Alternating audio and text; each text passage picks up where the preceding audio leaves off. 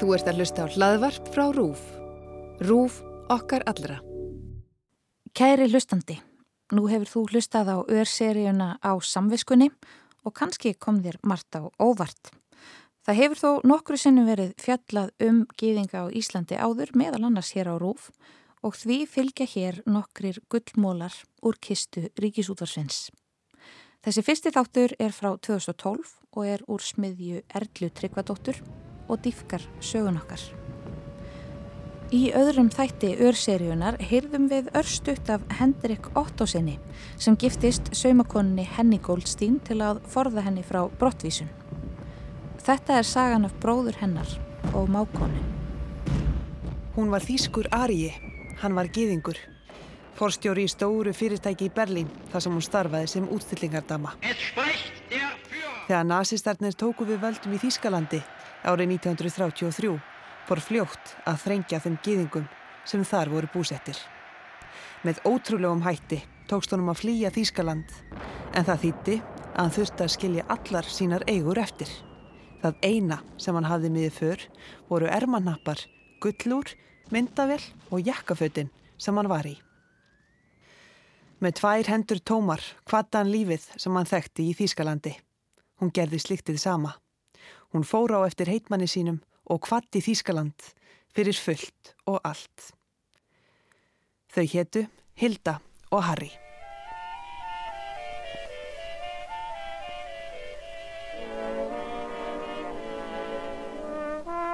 Veistu það þetta fólk var svo magna. Þessar manneskjur voru svo magnaðar. Auðvitað er margt sem hefur borist til okkar með erlendu fólki sem við viljum ekki hafa. En hugsaðir hvað við höfum öðlast mikið. Þekkingu, reynslu, bara hugvit, allt mögulegt með mörgum af þeim sem hafa komið á sérstaklega þessum árum. Því að ofta á tíðum var þetta fólk sem hafði svo mikla þekkingu.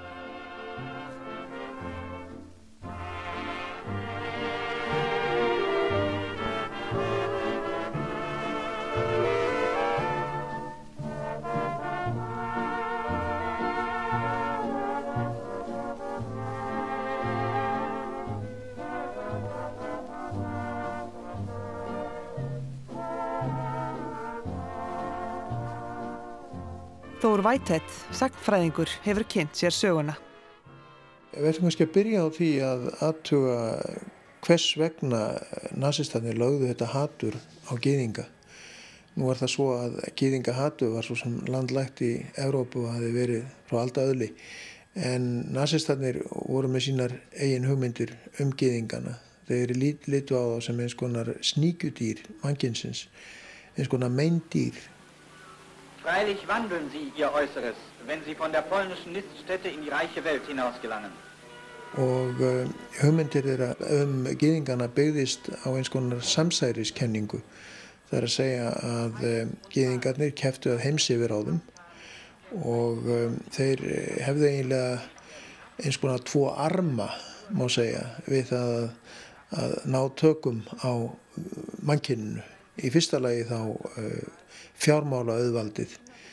Þeir réðu yfir fjármálalífi heimsins og, og reyndu að, að kirkja alla aðra sem að kemur nála því og stjórnuðu þannig á baku tjöldin og hefðu gífurlega mikið vald á, á hvarvetna á Vesturlöndum.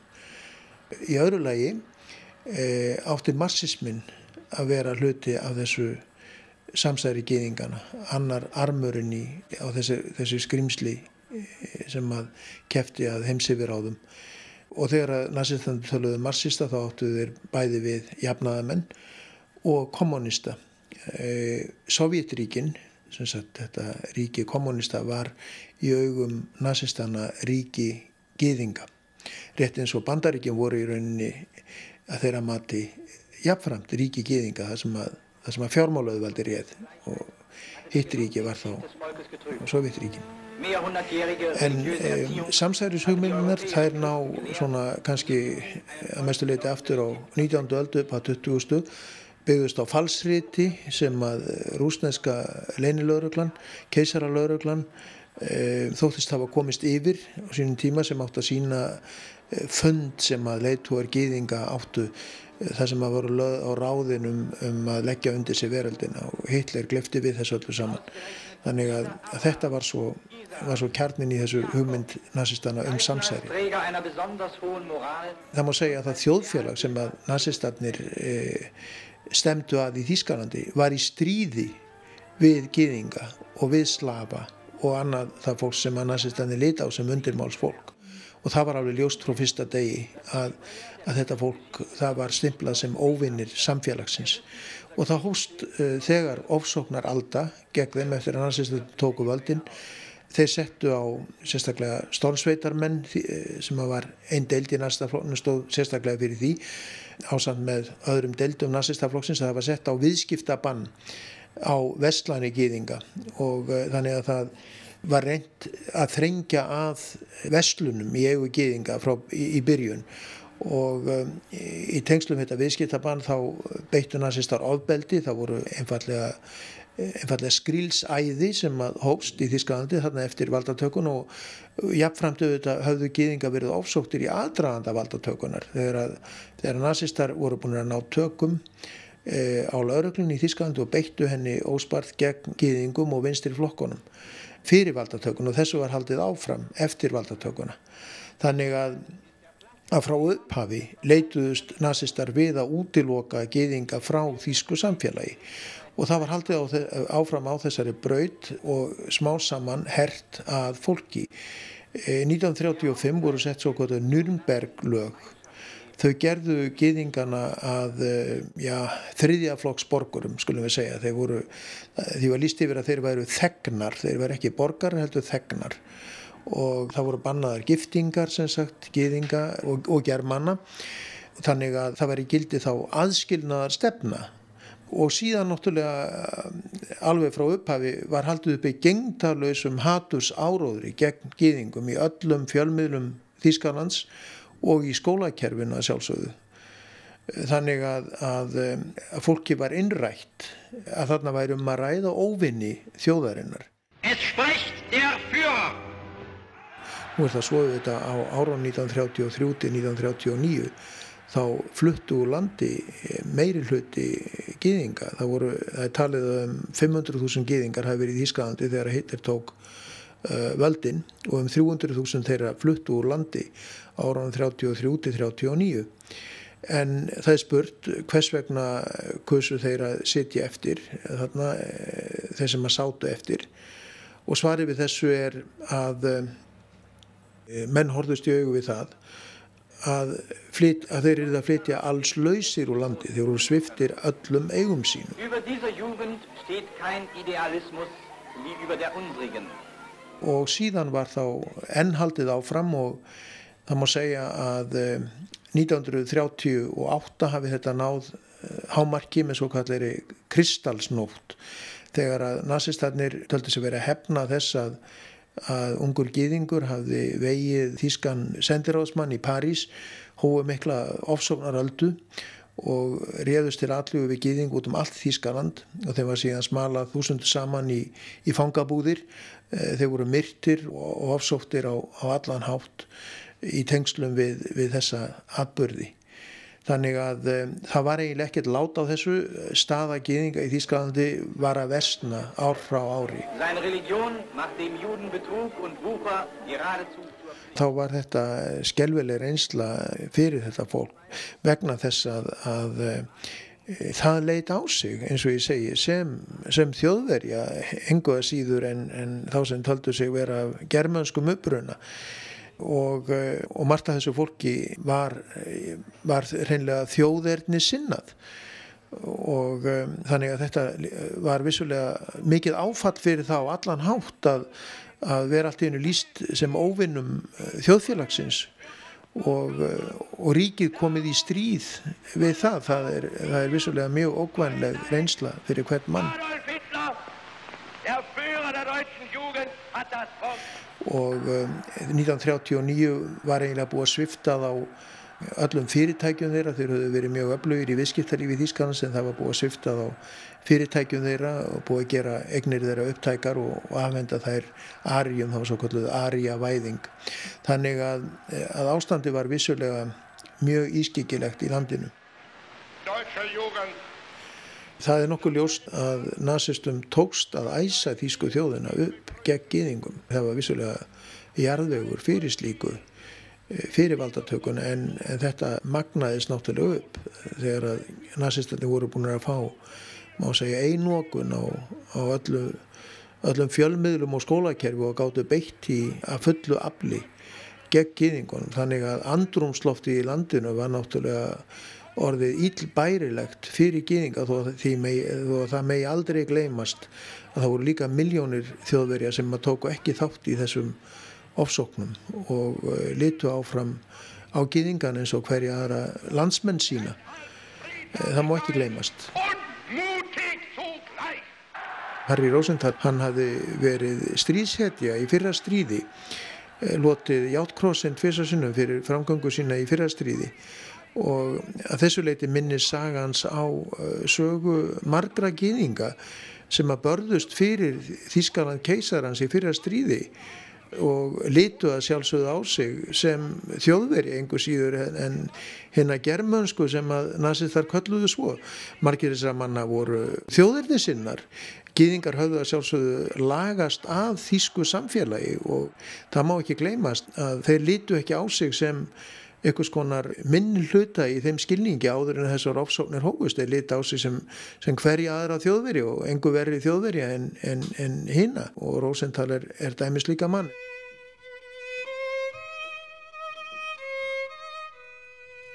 ...1938 þegar hann hvarvúlandi þá var honum greinlega orðið það ljóst að hann ætti alls enga framtíð fyrir sér í Þískalandi Hitlers og það skýrir held ég þessa ákvörðuna sem virðist að verið skyndi ákvörðun um það að, að koma sér úr landi. E, hann var þarna framkvæmtastjóri hjá Salamander skóframleðandunum sem að einn af stærstu framleðandum á þessu sviði í Þýskalandi og maður í góðri stöðu í Berlín kunnur í knatsbyrnu lífinu þar. Sem sagt virðulegu borgar í Berlín ákveður að fara til, norður til Íslands land sem þá virtist eiginlega að vera langt utan við alla þá veröld sem hann hafi þekkt um æfina út á ysta jæðri heimsins má segja e, með myndavél og gullúr. Það voru þær eigur sem hann gæti tekið með sér og Harry var náttúrulega í þeirri stöðu sem var ólík e, stöðu margra gýðinga að sýstir hans var hér fyrir og um, það hefur eflaust uh, verið honum kvartning til þess að fara úr landi að, að hann gæti verið vissum það að fá hér hjálp við að koma undir sér fótónum.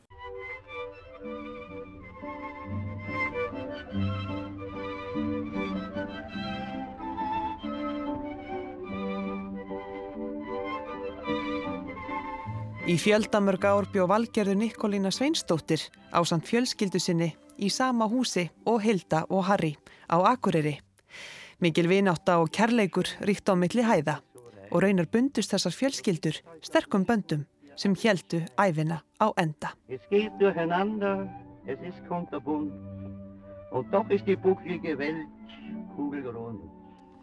Hilda hétt Hildigerður Heller og var þýskur Ari og uh, hún var stórkoslegu personuleiki Hún bar af allstaðar þar sem hún sást. Hún fæðist í Bellin og hún er fætt annan ágúst 1911.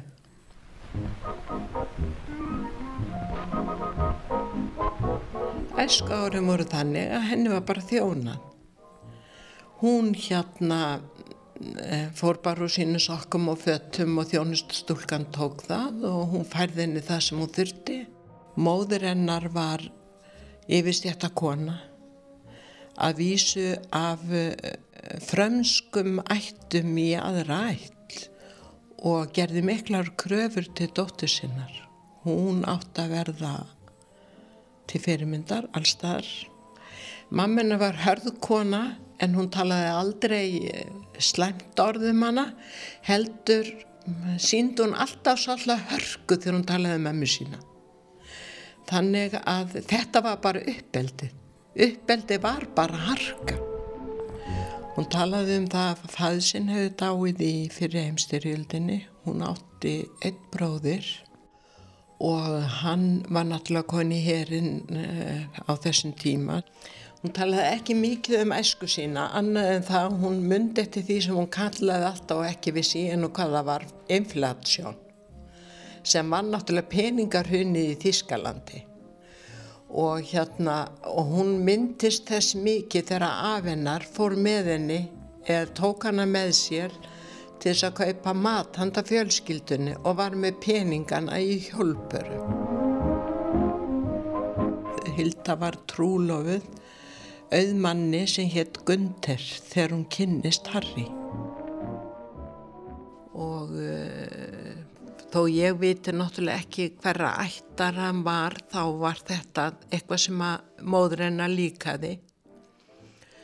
Og uh, hún gerði sér náttúrulega vonur um það að það erði, en þegar hún hittir Harry þá slítur hún þessari trúlofun. Sko, eitt fer þrýr. Það var ekkert beðið með það því hún sagði Harry er eini maðurinn sem ég, sem ég hef nokkuð tíðan borið tilfinningar til, sagði hún. Harry var 16 árum eldri. Maður samt skinnjaði það ekki á þeirra hjónabandi. Það, maður fann það aldrei.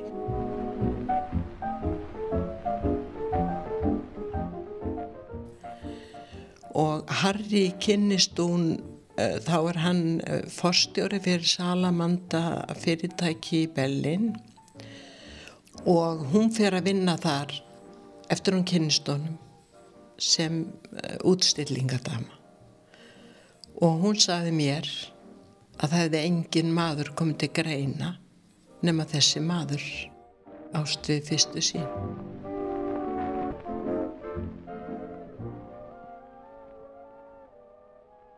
Það er þannig að þegar Harry flýr frá Þýskalandi þá er það vegna þess að einhver kærir að hann sem geðingur sé með stúlku af arísku uppruna. Og þar með var náttúrulega byrjað að plokka fjadreitnar af Harry. Hann var ólimpíudómar í, í Knatsbyrnu 1936 og allt í einu fekk hann brefin það að hans væri ekki óskað lengur sem knatsbyrnundómara og svona voru plakkar af honum embætti og, og, og það sem hann hafði verið í. En hann var enni í vinnu hjá Salamandi þegar hann flýr til Íslands. Og hann flýr vegna þess eða hann er aðvaraður af vinnu sínum. Þeir sagðu við að Harry, hann var að fara heim og vinnu Harry, þú eru að fara hér og nú bara beint upp í lest til Danmörkur og hérna gesta på býða í íbúðinniðinni. Þeir eru búin að taka íbúðinniðina og þeir taka þig um leiðin á þér. Þannig að það var engin umhugsunafrestur. Þessir vinir hans náttúrulega vissu vel á sýstir hans og alltaf þeir vissu það að þetta var eina leiðin að fara upp til Danmörkur og það gekk ekki vel, ég veit það að komast frá Danmörku upp til Íslands. En ég vissi að það gekk ekki vel. Og hann var með kannski einhverja smápeninga, ég veit ekki um það en hann var með gullring á fingri og hann var með eh, hérna skirtunapa og bindisnælu og úr og hérna þetta er einu verðmættin sem hann fór með af öllu sínum egnum frá Þískalandi hann fór eins og hann stóð. Hann var bara að bjarga sínu eigin lífi. Og þegar hann er farin þá er hildatekin í yfirherslur en af því hún er aðrið þá er hún aldrei beitt hörku. Og hún viðurkendi aldrei að þekkja hann. Hún vissi það ef hún segði hún þekkt hann þá hérna hefði hún verið færð út í miklu meiri hörku. Og hún sagði alltaf ég veit bara ekki um hvaða mandi er það að tala. Hún segi við kendi aldrei ég var að vakja svo, fyrst var það á daginn svo var að færða að vekja mig upp á nættunar ég sótt heima á nættunar ég yfir heislur og í eitt skipti þá tekið af henni sko vegabrefið og allt. Og í eitt skipti þegar hún er vakin svona upp að nætulegi og er tekinni í yfirheyslu þá segja þær við hann að við erum búin að finna þetta geðingasvín og að drepa það. Og hún lísti því fyrir mér hvaða átök voru innra með henni að sína það að þetta væri eitthvað mál sem skipti hana engu máli. Hún saði og og þetta skipti hann engu máli. Hún vissi ekkert um hvað þeir væri að tala því hún vissi ef ég hefði brotnað þarna þá var ég búinn að vera. Og hún fekk bref frá Harry og það var þannig að brefin gengur til einhvers, einhvers þar í bellin, húsa á milli, aftur og bak og áfram þanga til einhver staðar. Hún fekk tækifæri til að lesa það þegar var búið að þvælast um alla borginna. Og þannig kom hún brefin til hans. Svo þarna þegar þetta er að henn er sagt að það sé búið að drepa hann sem var náttúrulega ekki rétt, þá fær hún vegabrefið og þá náttúrulega henni fyllt eftir því þá ætluður að finna hvað hann væri, held að hann væri í Þýskalandi. Og henni fyllt eftir um allt hún vissi það og hún sagði að sárustu minningar sínar væru það að hafa þurft að yfirgefa móður sína bróður sinn og fá bróður sinn til að hjálpa sér sem að var náttúrulega sko bara hryllilegt. Þá hafði hún pakkað hún í einhverja tösku sem átti bara að fara til einhverja vina eða eitthvað sem hún ætlaði að fara að gefa og létt hann fara með hana því það var ekki fylst með honum. Og síðan var þessi taska látin ganga aftur og baka og áfram. Þannig að þetta væri ekki rakið og, og síðan skilur hún bara segir bara blessuðu með mig síðan lappar út sko, bara eins og hún sé að fara bara til vingvenna eða eitthvað. Og uh, hún kemst í lestina og hún segist, segir að eitt af sín merfiðstu lífsreynsla hafi verið að ef að einhver af þeim sem fylgdu henni eftir þegar hún var undir eftirliti hefðu verið í lestinni og þekkt hana þá hefðu hún verið tekinn og þá hefði hennar þjóðverðni ekki bjargað henni. Og hérna en hún kemst upp til Danmerkur og hún saði mér hún staði verið með smápenninga í vasanum. Og hún sagðist hafa hvart Þískaland með því að henda þeim út um lestaglökan. Þá sagði hún farðu Þískaland, laus við þig.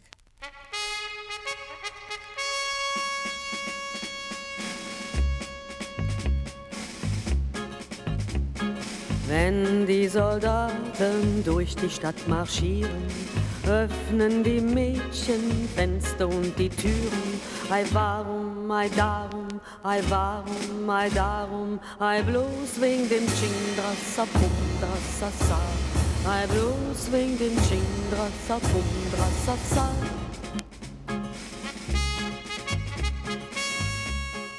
Sko ef hann hefði ekki farið á þessu augnabliki frá Þískalandi þá hefði hann verið drefn.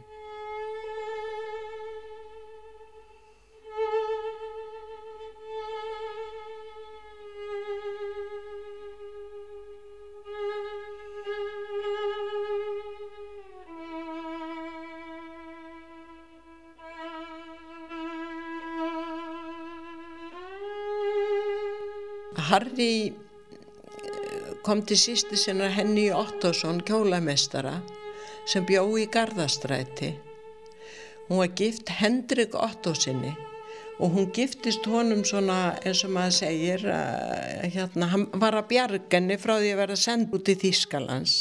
Ég þátt að senda hann út eins og alla aðra gýðinga vegna þess að sko Hitler eða öllu haldur þessi stjórn hún krafðist geðingana tilbaka en ef hún var gift í Íslending þá var ekki hægt að senda hann út. Þá hafði hún skjól. Og hún hefði aldrei séð hann. Og Hilda sagði mér hún hefði verið að skúra stegan í gardastræti þegar hann kom til að giftast henni og hún tók af sér sundun og þau giftu sig. Og þetta er sjálfsagt það albesta hjónaband sem fyrir hefur fyrir fundist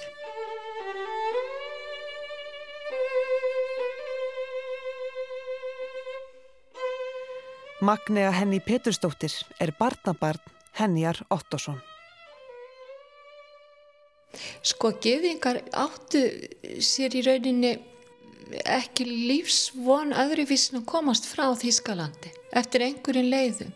Og fjölskyldur voru sundraðar og amma var komin hinga sem sagt, hafði komin hinga eftir auglýsingu og fór að byrjaði að vinna hjá Guldfossi en hún var svo flink og, og gaf sér gott orð strax.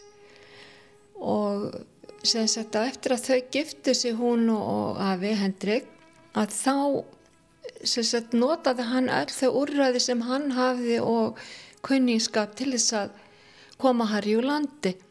Og einni voru þau að reyna að ná yngri bróðurnum úr landi honum Sigbert og, og erðnu koninans og litla barninu þeirra fjárara þau sem sagt vildi ekki tætt á það að, að fara og þau einhvern veginn vildi ekki trúa því eins og svo margir að þetta færi svona. Og ég fann hérna rauðakrossbref sem voru mikið notið þá til fyrirspurnum fólk sem ekki að vitað um.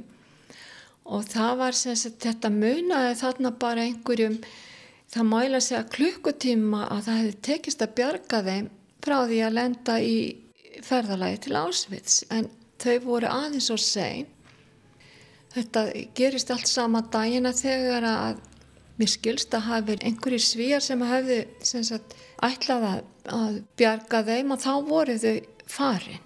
Þá var búið að ná í þau. Og þá var farið mjög litlu þess að litlu fjölskyldi til Ásvits þar sem Erna og Dani litlu fjárara voru drefin það var 43 og þau voru búin að vera þar kannski mánu þegar þau voru dreppin í gasklefuna en, en Sigbert var fluttur til Fraklands til þess að nota sem tilröndadýr í rannsóknarstofum hjá franskun læknis í hétt Ágúst Hirst en það tókst ekki að bjarga þeim en Harry komst til Íslands. Og hann kom hinga til lands með skipa sjálfsögðu.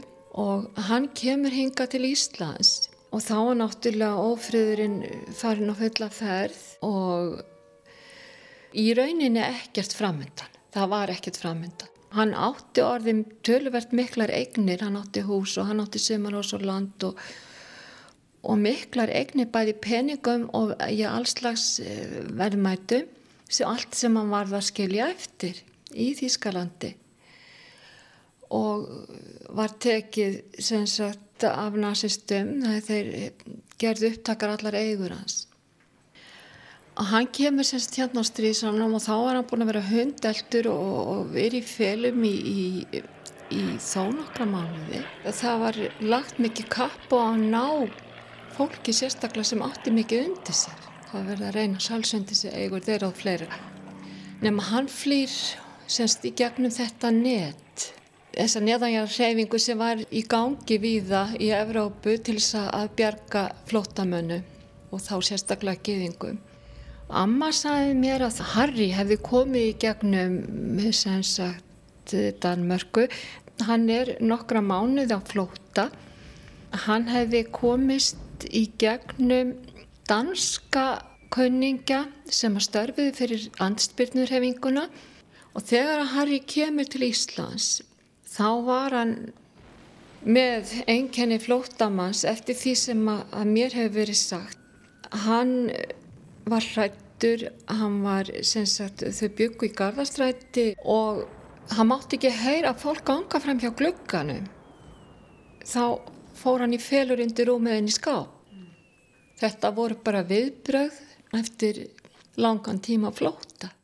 En hann náttúrulega þurfti að vera á felum hinga og þanga. Það bara var eins og gangurinn í þessum málum var svoleiðis og svona var gangurinn.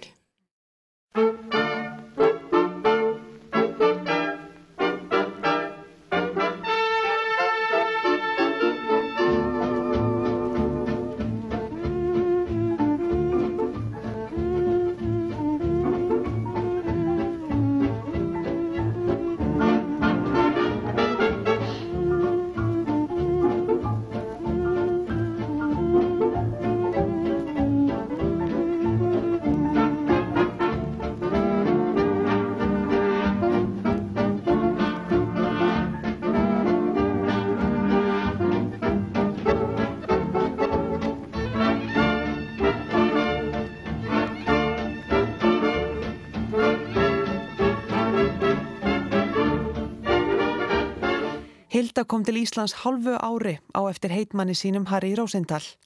Þau giftu sig árið sem þau komingað eða árið 1938.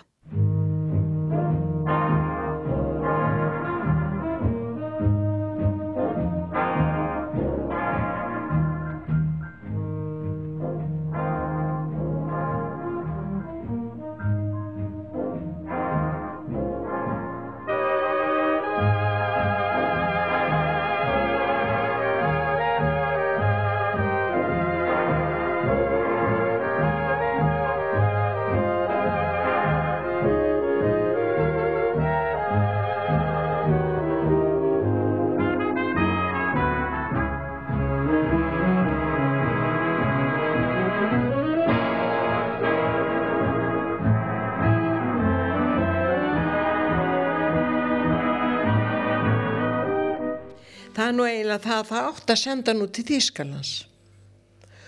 Og þá var Herman Jónasson og hérna það átt að senda Harry út. Og Hendrik barðist fyrir því hann er það ekki sendur út. Og hann fer til Hermans Jónassonar og þetta hef ég bara eftir þeim báðum þannig ég veit þetta rétt.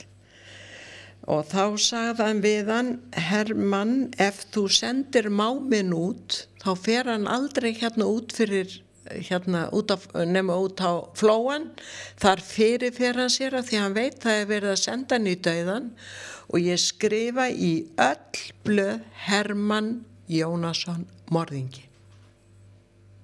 Þetta er bara haft beint eftir þeim. Og þá fekk hann landvistaleifi en ekki atfinnuleifi og þá seldan allt gulli sitt nema ringin, hann átti hann alla tíð og kefti sér landin í klefsaldi og fór að rækta grænmeti.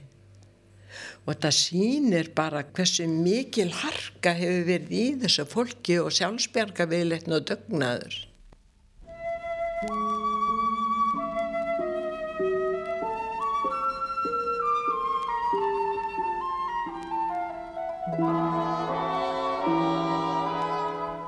Ich weiß, es wird einmal ein Wunder geschehen und dann werden tausend Märchen wahr. Ich weiß, so schnell kann keine Liebe vergehen, die so groß ist und so wunderbar. Wir haben beide denselben Stern und dein Schicksal ist auch meins. Du bist mir fern und doch nicht fern, denn unsere Seelen sind eins. Und darum wird einmal ein Wunder geschehen. Und ich weiß, dass wir uns wiedersehen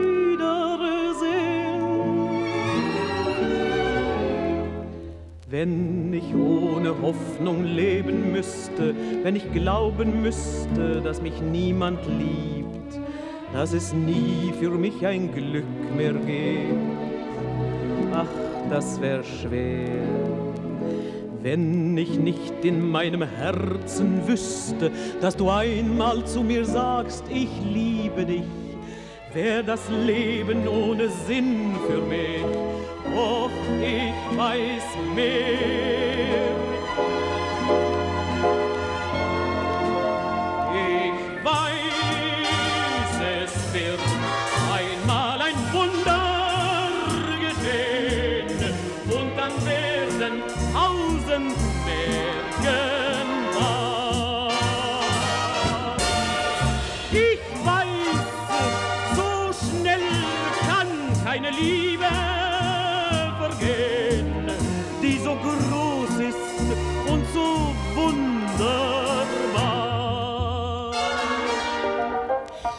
Haben beide denselben Stern und dein Schicksal ist auch meins.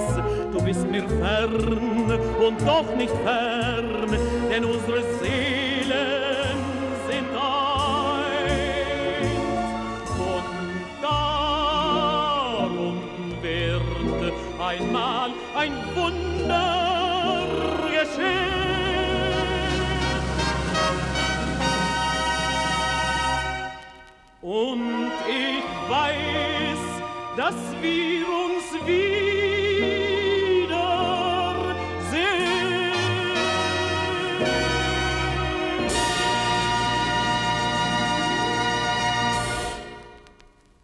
Þau voru alveg stórkoslegt fólk.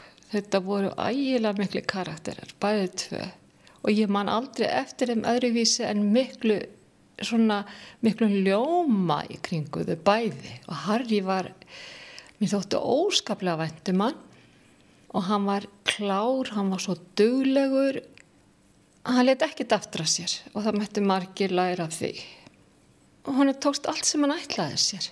Hann veitist uh, sjá fyrir sér hlutin eins og hann veldi hafa þá og hann bara vannaði í hörðum höndum að, að hlutinir rættust eins og hann vildi hafa þá. Hann hafði fyrir hlutunum en hann hafði þetta í gegn alltaf og það var alveg sama hvaða sviði það var.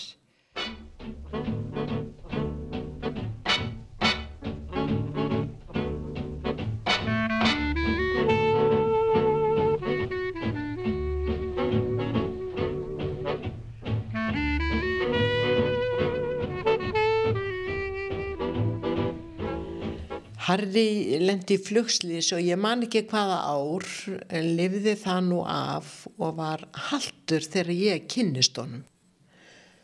En Harry var glæsilegu maður, frekar lágvaksinn en glæsilegu maður. Já, hvernig viljum við lýsa glæsilegu manni? Hann var laglegur. Sko þetta fólk bar sig allt öðru sig heldur en við Íslendingar. Þó þú sægir manni í horrið stöðu sem var Íslendingur, þá bar hann sig ekki eins og Harry Rósdal eða Höskuldur Markusson. Harry var einstakur maður eins og þetta fólk virðist hafa verið. Það, hann var afskaplega heil maður, hann var hjálpsamur. Sko regluseminn var náttúrulega þannig að við Íslendinga munum aldrei skilja þetta.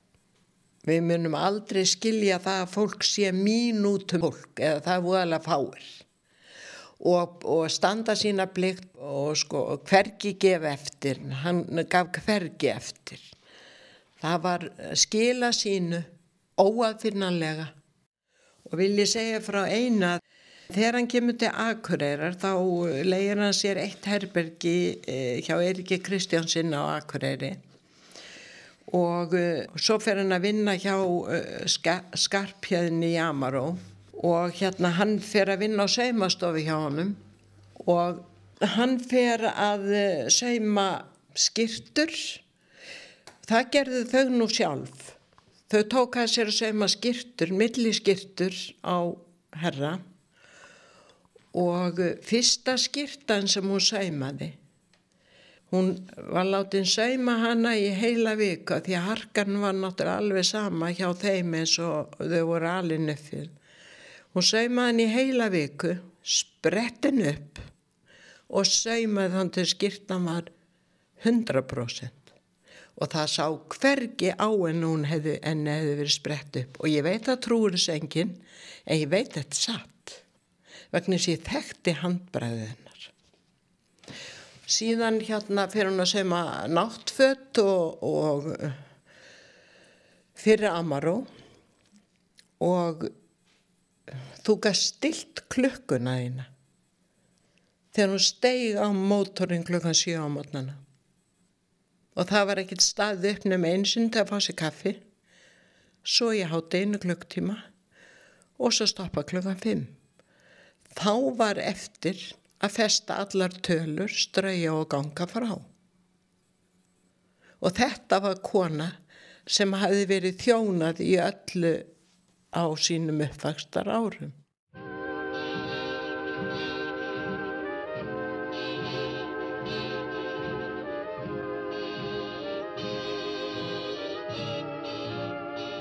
Hún saði mér að henni hefði fundist þetta svo hryllilegt að hún saði Ég óskaði mér einskís frekar heldur hann komast heim aftur.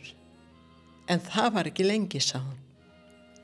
Vegna þess að þegar ég steg hér á land á Íslandi þá fannst mér ég vera komin til míns föður lands. Þó ég þekkti landið ekki neitt. En það sem beð mín var svo erfitt. það var að læra að lifa í þessu landi.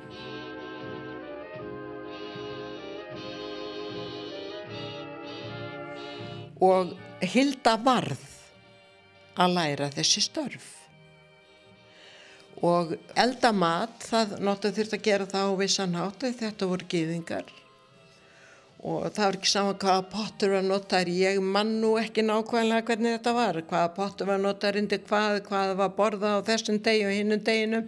Þetta þurfti hún alltaf að læra. Hún lærði að stoppa í sokka. Hún lærði að þú að þvotta á þvottabretti hún hvað það var sem hún ekki lærði og ég get sagt er handafinn en að var einstök Hún teiknaði á dúka fríhendis og sæmaði út í þetta og allt þetta á sama handamátan. Það var svo vel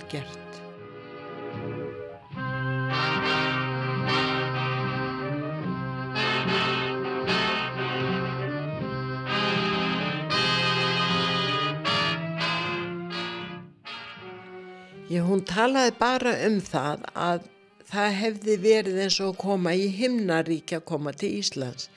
Og manniska sem kemur úr Stórborg og á þeim fósendun sem hún kemur til Íslands frá Stórborg og, og slíku lífi sem hún lifði þá hlýtur það við óskapleg, óskaplegur feginleiki að losna frá því sem hún var búin að upplifa í sínu rétta föðurlandi að geta tekið Reykjavík eins og hún var í þá daga sem sitt föðurlandi eða landi sem hún steiga vegna þess að þetta er svo ólíkt.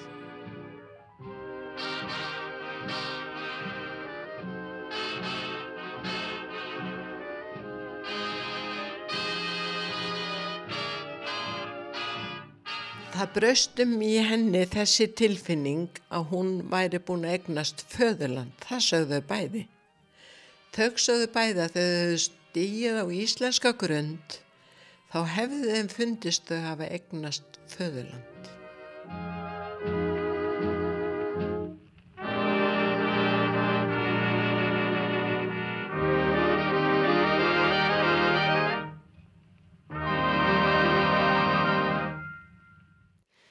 Hilda og Harry fengu íslenskan ríkisborgararétt í upphafi sjötta áratugarins eða árið 1951.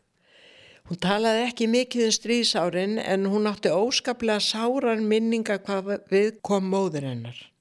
Vegna þess að hún var búin að sækja sig um að fá að taka henni upp til Íslands, það var ekki hægt fyrir hún væri að ríkisborgari og eitt árið þegar hún fær tilkynningu um það að hún fá ekki ríkisborgari rétt Þá lætur hún móðu sína vita, það verði ekki þetta ár, en þá fyrirfer móður hennar sér. Og hún fyrirfer sér á livjum sem Hilda hafiði sendt henni til þess að hjálpa henni til þess að sofa. Og þetta vissi Hilda ekki fyrir hún kemur út í Þískalands í fyrsta skipti. Hún fer ekkert út í Þískalands fyrir hún búin að fá ríksborgarari. Og hérna þá, sko, þá var hún búin að hafa upp á stúlku sem hafði þjónað þeim og hún hafði eitthvað hugsað um mömmennar svona synd henni.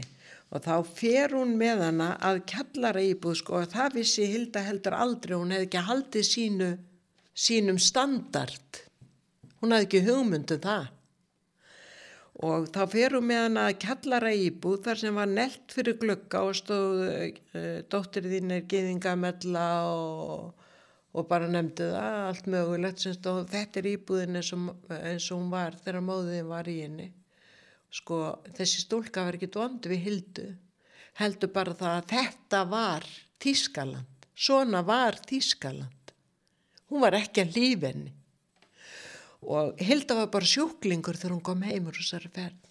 Hún átti svo bátt þessi stúlka sagði það það mátti ekki segja þér það.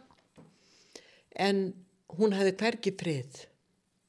Hún var afsótt en hún átti óskaplega erfitt eftir þessa ferð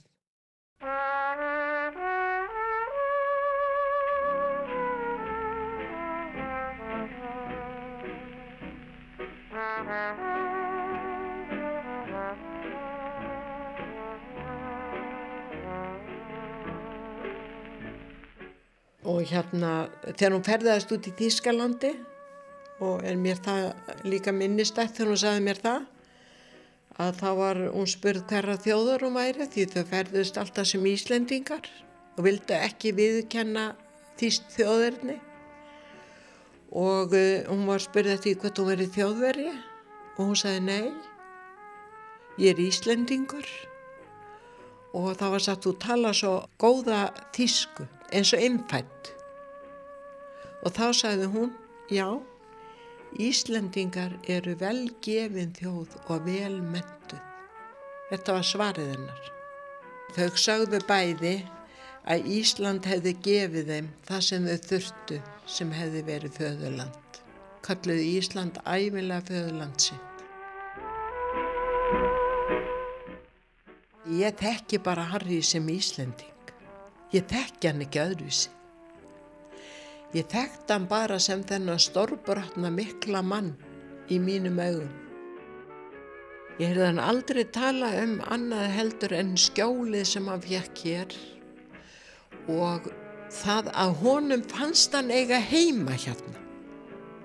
Þau voru Íslandingar í húð og hár ef það er hægt að verða það og við erum ekki fættur Íslandingar.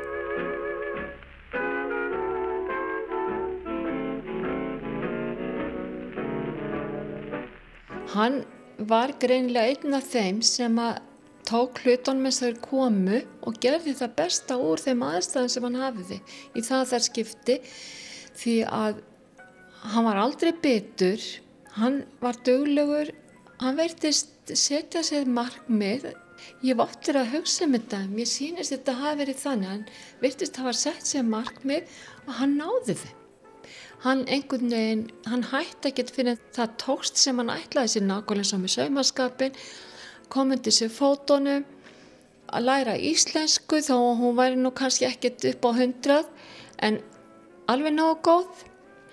Hann eh, endaði í bókaldi hjá Amaró, hann var mikið, mikið reynishaus, töluglöggumadur og var með hjart úr gulli og ég man aldrei eftir Harry reyðu. Ég man alltaf eftir hann sem ánæði manni, jákvæðum og aldrei eftir sjá. Hann, hann sá aldrei eftir neinu. Ég var aldrei verið við annað en fólk bæri virðingu fyrir þeim. En það held ég að það sé engin eh, glýja í augunum á mér með það að þau voru svo virðingar verð. Þau eh, voru alþýðleg Þau gerði ekki mannamun, þau vildu öllum vel, ég er ekki að segja þau hafi verið útauðsandi eða þvíinlikt en þau voru útauðsandi á góð orð, hjálpsem í orðum og eh, það var svo margt sem að einkendi þeirra líf sem að var til svo mikilvæg fyrirmyndar. Harry lést 25. júni árið 1968. 73 árað aldri. Hann var stattur á fókbóltaleika á Akureyri. En á þessum leik dóan og þar hefði hann helst vilja deyja á fókbóltavellinum. Því það var hans líf og endi. Hilda kvati þennan heim 4. november árið 1993, þá 82 ára.